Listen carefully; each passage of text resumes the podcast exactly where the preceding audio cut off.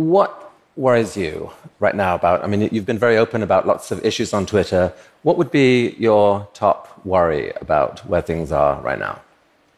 Right, right now, the, the health of the conversation. So our purpose is to is to serve the public conversation, and uh, we have seen a number of attacks on it. Um, we have seen abuse, we've seen harassment, we've seen manipulation, um, automation, human coordination, uh, misinformation. so these are all these are all dynamics that we were not uh, expecting 13 years ago when we were starting the when we were starting the company, um, but we do now see them at scale. And what worries me most is um, just our ability to address it in a systemic way that is scalable, um, that has a rigorous understanding of um, how we're taking action, a transparent understanding of how we're taking action, and a rigorous appeals process for when we're wrong, because we will we will be wrong. And I'm really glad to hear that that's something that concerns you, because I, I think you know there's been a lot written about people who feel they've been abused uh, and harassed on Twitter, and I think no one more so than women and women of color and black women. And there's been data that's come out. You know, Amnesty International put out a report a few months ago where they showed that a subset of active black female Twitter users were receiving, on average, one in 10 of their tweets were some form of harassment. And so when you think about health for the community on Twitter, I'm interested to hear specifically, you know, health for everyone, but specifically, how are you looking to make Twitter a safe space for that subset for women, for women of color and black women? Yeah, it, so it's a it's a pretty terrible situation um, when you're you're coming to a service that um, ideally you're you, you, know you you want to learn something about the world and you spend the majority of your time um, reporting abuse, receiving abuse, receiving harassment. Um, so we, uh, what we're what we're looking most deeply at is just the incentives that the platform naturally provides and the service provides. Right now, the dynamic of the system makes it super easy to harass and to abuse others through the service. Um, and unfortunately, the majority of our system in the past worked entirely based on people reporting uh, harassment and abuse. Um, so, about midway last year, we decided that we were going to apply a lot more machine learning, a lot more deep, deep learning to the problem, and try to be a lot more proactive around where abuse is happening so that we can take the burden off the victim completely. Um, and we've made some, we made some progress recently. About 38% of um, abusive tweets are now proactively identified by our machine learning algorithms, so people don't actually have to report them. But those that are identified are still reviewed by humans. So we do not take down content or accounts without a human actually reviewing it. But that was from 0% just a year ago. So that meant at that 0%, every single person who received abuse had to actually report it, which was a lot of work for them, a lot of work for us and just ultimately unfair. The other thing that we're doing is making sure that we, as a company, have representation of all the communities that we're trying to serve. We can't build a business that is successful unless we have a diversity of perspective inside our walls that actually feel these issues every single day. And that's not just with the team that's doing the work, um, it's also within our leadership as well. So we need to continue to build empathy for um, what people are experiencing and give them better tools to um, act on it and also give our customers uh, a much better and easier approach to handle some of the things that they're seeing. So a lot of a lot of what we're doing is around technology, but we're also looking at the um, the incentives on the service. What what does Twitter incentivize you to do when you first op- open it up? And in the past, it's incented a lot of outrage. It's incented a lot of mob mob behavior. It's incented a lot of group harassment. Um, and we have to look a lot deeper at some of the fundamentals of what the service is doing to make the bigger shifts. We can we can make a bunch of small shifts around technology, as I just described, but ultimately we have to look deeply at the dynamics in the network itself, and that's what we're doing right now. But and what's your sense? Like, what is the kind of thing that you might be able to change that would actually fundamentally shift behavior? Well, one, I mean, one of the things we, we started the service with um, this concept of following an account, uh, as an example. Um, and I, I don't believe that's why people actually come to Twitter. I believe Twitter is, is best as, a, as an interest based network. People come with a particular interest. Um, they have to do a ton of work to find and follow the related accounts around those interests. What we could do instead is allow you to follow an interest, follow a hashtag, follow a trend, follow a community, um, which gives us the opportunity to show all the accounts, all the topics, all the moments, all the hashtags that are associated with that, uh, with that particular topic and interest, which really opens up the, the perspective that you, that you see. Um, but that is a huge fundamental shift to bias the entire network away from just an account bias towards a topics and interest bias. Because isn't it the case that the, um, I mean, that one reason why you have so much content on there is as a result of putting millions of people around the world in this, this kind of gladiatorial contest with each other for followers, for attention. Like a lot, from the point of view who just read, people who just read Twitter, that's not an issue. But for the people who actually create it, everyone's out there saying, you know, I wish I had a few more likes, followers, retweets. And so they're constantly experimenting, trying to find the path to do that. And what we've all discovered is that the number one path to do that is to be some form of provocative, obnoxious, eloquently obnoxious, eloquently, like eloquent insults are, are a dream on Twitter where you, you, you kind of, you rapidly pile up and, and it becomes this self-fueling process of driving outrage. How, how do you diffuse that? Well, I, yeah, I mean, I, I think you're spot on, but, but that goes back to the incentives. Like, one of the choices we made in the early days was we, uh, we had this number that showed how many people follow you. We decided that number should be big and bold, and anything that's on the page that's big and bold has importance, and those are the things that you want to drive. Was that the right decision at the time? Probably not. If I had to start the service again, I would not emphasize the follower count as much. I would not emphasize the, the like count as much. I don't think I would even create like in the first place because it doesn't, it doesn't actually push what we believe now to be the most important thing, which is healthy contribution back to the network and conversation to the network, participation within conversation, learning something from the conversation. Those are not things that we thought of 13 years ago and we believe are extremely important right now. So we have to look at how we display the follower count, how we how we display retweet count, how we display likes, and just ask the deep question is this really the number that we want people to drive up? Is this the thing that when you open Twitter, you see that's the thing I need to increase? And I, I don't believe that's the case right now. Whitney, well, should we, yeah, should I think we should look at some of the tweets that are coming in from the audience as well. Let's see what you guys are asking. I mean, this is uh, genuinely one of the amazing things about Twitter is how you can use it for crowd wisdom. Um, you know, that more, more knowledge, more questions, more points of view than you can imagine, and sometimes many of them really healthy. And I think one that I saw that passed already quickly down here what's Twitter's plan to combat foreign meddling in the 2020 US election? And I think that's something that's an issue we're seeing on the internet in general that we have a lot of automated, malicious automated activity happening.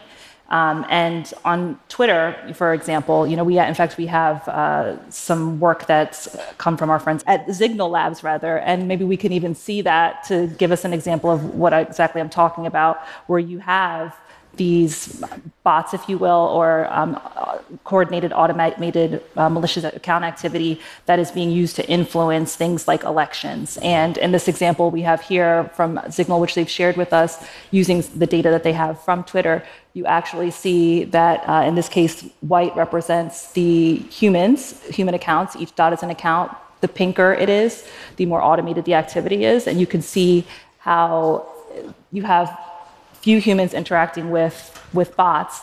And in this case, it's related to the election in Israel um, and spreading misinformation about Benny Gantz. And as we know, in the end, that was a, an election that uh, Netanyahu won by a slim margin, and that may have been, in some case, influenced by this. And when you think about that happening on Twitter, what are the things that you're doing specifically to ensure that you don't have misinformation like this spreading in this way, influencing people in, in ways that could affect democracy? Um, just to just to back up a bit, we we wanted we we asked ourselves a question: Can we actually measure the health of a conversation, and what does that mean? And in the same way that you have indicators and we have indicators as humans in terms of are we healthy or not, um, such as temperature, the flushness of your face. Um, we believe that we could find the indicators of conversational health. And we worked with a lab um, called Cortico at MIT uh, to propose four, um, four starter indicators that, that we believe that we could ultimately measure on the system. And the first one is um, what we're calling shared attention. It's a measure of how much of the conversation is attentive on the same topic versus disparate. The second one is called shared reality.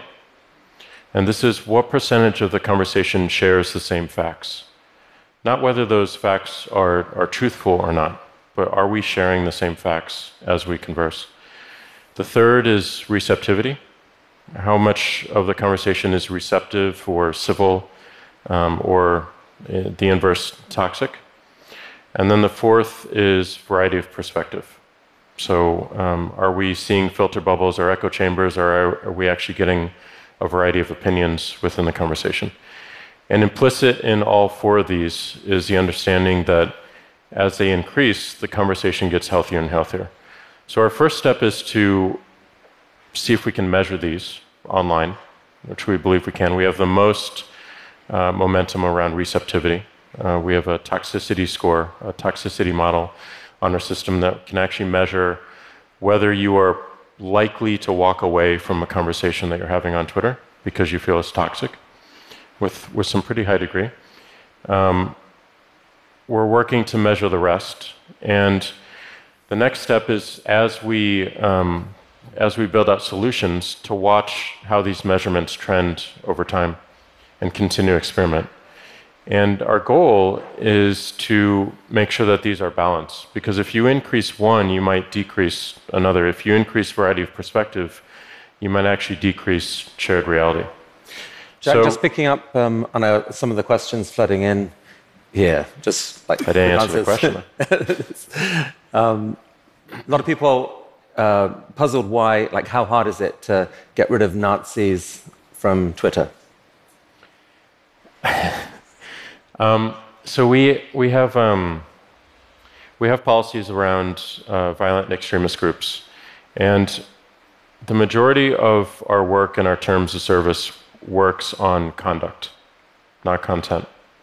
So we're actually looking for conduct. Um, so conduct being um, using the service to repeatedly or episodically harass someone. Um, I'm using hateful imagery um, that might be associated with the KKK or the uh, or the American Nazi Party.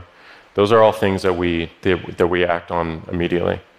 Um, we're in a situation right now where that term is used fairly loosely, um, and we just cannot um, take any one mention of that word accusing someone else as uh, a factual indication that they should be removed from the platform.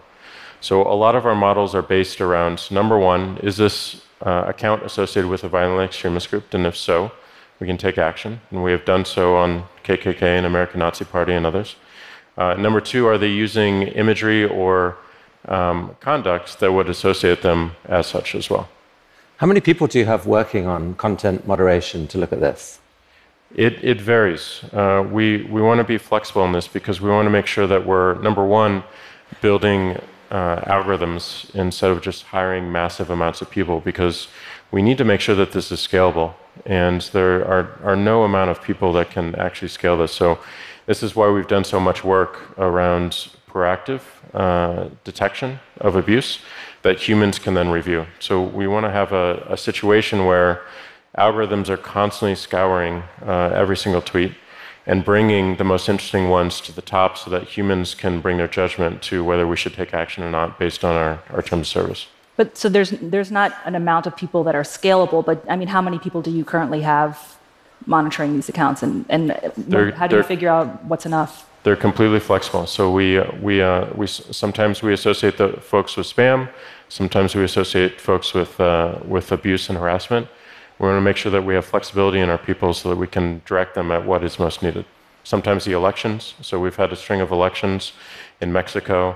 Um, one coming up in India. Obviously, the the uh, uh, the the election last year, the midterm election. So we we just want to be flexible with our resources. So when when people just just as an example, if you go to our current um, if you go to our current terms of service and you bring the page up and you're wondering about abuse and harassment that you just received and whether it was against our terms of service to report it, the first thing you see when you open that page um, is around intellectual property protection.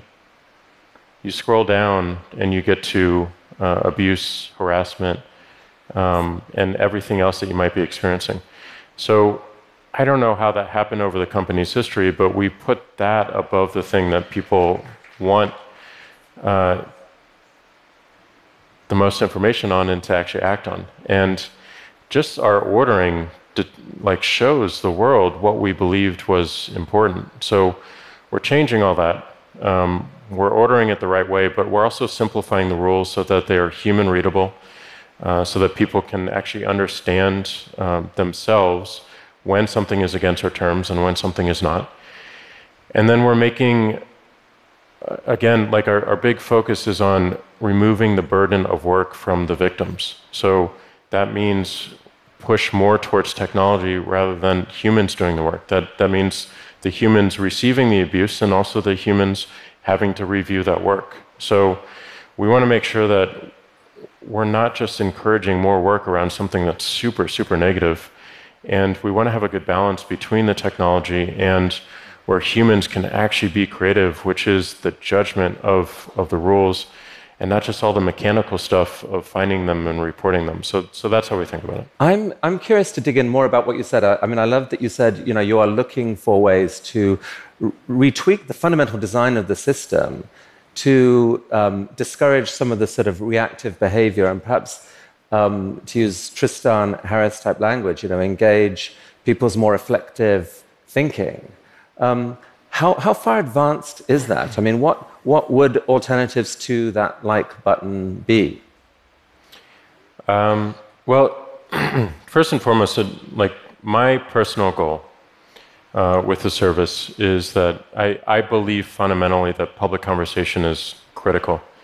There are existential problems facing the world that are facing the entire world, not any one particular nation state, that global public conversation benefits. And that is one of the unique dynamics of Twitter is it is completely open, it is completely public, it is completely fluid, and anyone can see any other conversation and participate in it. So there are conversations like climate change, there are conversations like the displacement of work through artificial intelligence, there are climate there are conversations like economic disparity. No matter what any one nation state does, they will not be able to solve the problem alone. It takes, it takes coordination around the world. And that's where I think Twitter can play a part. The second thing is that Twitter right now, when you go to it, you don't necessarily walk away feeling like you learned something. Some people do. Some people have a very, very rich network, very rich community that they learn from every single day. But it takes a lot of work and a lot of time to build up to that. So we want to get people to those topics and those interests much, much faster and make sure that they're finding something that no matter how much time they spend on Twitter, and I don't want to maximize the time on Twitter, I want to maximize what they actually take away from and what they learn from it. And well, do you though? Because that, that's the core question that a lot of people want to know. Is surely, Jack, you're constrained to a huge extent by the fact, you know, a public company, you've got investors pressing on you. The number one way you make your money is from uh, advertising. That depends on user engagement. Um, are, are, you willing to sacrifice user time, if need be, to go for a more reflective conversation? Yeah, more more relevance means less time on the service, and that's perfectly fine. Because we want to make sure that, like, you're coming to Twitter, and uh, and you see something immediately that uh, that you learn from and that you push them, and that we can still serve an ad against that. That doesn't mean you need to spend any more time to see more. The second thing that we're looking but, at, but just just on, on that goal, daily active usage. It, if you're measuring that, that doesn't necessarily mean things that people value every day. It may well mean people things that people are drawn to, like a moth to the flame every day. We are mm. addicted because we see something that pisses us off. So we go in and you know, add fuel to the fire, and the daily active usage goes up, and there's more ad revenue there. But, but we all get angrier with each other. Like, how, how do you define, like, d- daily active usage seems like a really dangerous t- term to be optimizing. Taken, taken alone, it is, but you didn't finish, you don't let me finish the other metric, which is um, we're, we're watching for conversations. And conversation chains. So we, we want to we want to incentivize healthy con- contribution back to the network. And what we believe that is is actually participating in conversation that is healthy, as defined by those by those four indicators uh, I, I, articulated earlier. So you, you can't just optimize around one metric. You have to balance and look constantly at what is actually going to create a healthy contribution to the network and a healthy experience for people ultimately we want to get to a metric where people can tell us that, hey, I learned something from Twitter and I'm walking away with something valuable. That is, that is our goal ultimately over time, but that's going to take some time. You come over to many, I think to me, as this, this enigma. Um, you, you know, I had this, this is possibly unfair, but I had this, I woke up the other night just with this picture of how I found I was thinking about you and the situation that we're on this, this great voyage with you on this, this ship called the Titanic. Um, and um, there, are, you know, there, are, there are people on board in steerage who are expressing discomfort. And you, unlike many other captains, are saying, Well, tell me, talk to me, listen to me, I want to hear. And they talk to you and they say, We're worried about the iceberg ahead. And you go, You know, that is a powerful point. And our ship, frankly, hasn't been built properly for steering as well as it might and we say, please do something. And you go to the bridge, and, um, and we're waiting, and, and we look in, and you're, you're showing this extraordinary calm, but we're all standing outside saying, Jack, turn the fucking wheel, you know? I, I mean, it's, it's, it's, democracy at stake. It's, it's our culture at stake. It's our world at stake. And, and Twitter is amazing and, and shapes so much. It's not as big as some of the other platforms, but the people of influence use it to set the agenda. And I, I like it's just hard to imagine a more important role in the world than to. I mean, you're doing a brilliant job of listening, Jack, and hearing people, but to actually dial up the urgency and take you know, move on this stuff? I mean, will you, will you, will you do that? Yeah, yes, and, and we have been we have been moving substantially. I mean, there's there's been a few dynamics in, in Twitter's history. One, when I came back to the company, we were in a pretty dire state in terms of our future, um, and and not just from you know how people were using the platform, but from a corporate narrative as well. So we had to fix a bunch of the foundation, turn the company around, go through two crazy layoffs because we just got too big for what we were doing. And we focused all of our energy on this concept of serving the public conversation. And that took some work. And as we dived into that, we realized some of the issues with the fundamentals. We could do a bunch of superficial things to address what you're talking about, but we need to change this to last. And that means going really, really deep and paying attention to what we started 13 years ago and really questioning how the system works and how the framework works and what is needed for the world today given how quickly everything is moving and how people are using us. So we are working as quickly as we can, but it's, it's quickness will not get the job done. It's focus, it's prioritization, it's understanding the fundamentals of the network and building a framework that scales and that is resilient to change. And being open about where we are and being transparent about where we are so that we can continue to earn trust. So I'm proud of all the frameworks that we've put in place. I'm proud of our direction. I, you know, we, we obviously can move faster, but that required just stopping a bunch of stupid stuff we were doing in the past. All right. Well, I suspect that there are, there are many people here who, if given a chance, would love to help you on this change making agenda you're on. And uh, I don't know, Whitney, I mean, Jack, thank you for coming here, speaking so openly. Uh, took courage. Really appreciate what you said, and good luck with your mission. Thank you so much. Thanks for having me. Thank you.